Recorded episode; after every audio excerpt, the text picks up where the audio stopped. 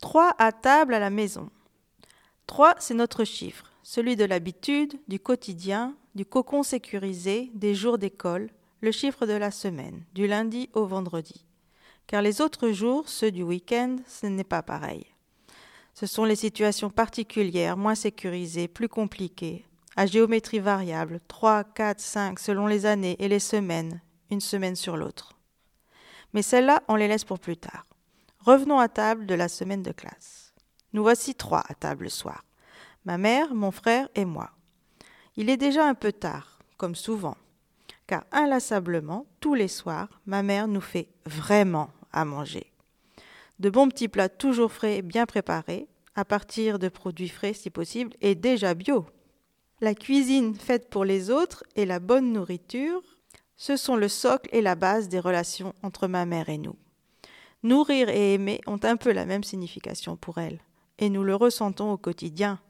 Mais aussi quel travail Ma mère est seule pour tout faire, mais elle ne renoncerait pour aucune raison à mettre sur notre table ces bonnes choses préparées des heures durant. Ce moment de partage se poursuit naturellement par des discussions qui rallongent pas mal le temps passé à table.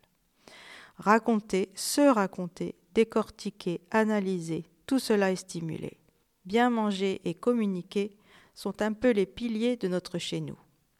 Mais de mon côté, il y a aussi étudier. La chaleur de l'intérieur de notre maison à trois la semaine ne me suffit pas. Les situations des week-ends trop compliquées, trop lourdes à porter. Il me faut d'autres stimulations, découvrir d'autres horizons, réfléchir, penser par moi-même, m'ouvrir au monde extérieur pour enrichir mon monde intérieur et cheminer vers qui je suis vraiment et c'est l'école qui va me l'apporter. La distance avec la famille, les relations avec les professeurs et les autres élèves, des amitiés fortes, les apprentissages scolaires et des liens sociaux, tout cela me fait sentir chez moi, là-bas, à l'école. Alors que d'autres attendent le week-end et les vacances avec impatience, je les vois venir comme une coupure malvenue et une perte de temps.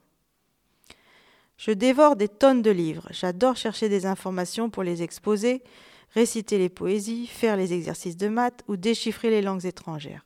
Tout me plaît et me réussit. Je suis à l'école chez moi, parfaitement à mon aise, comme un poisson dans l'eau.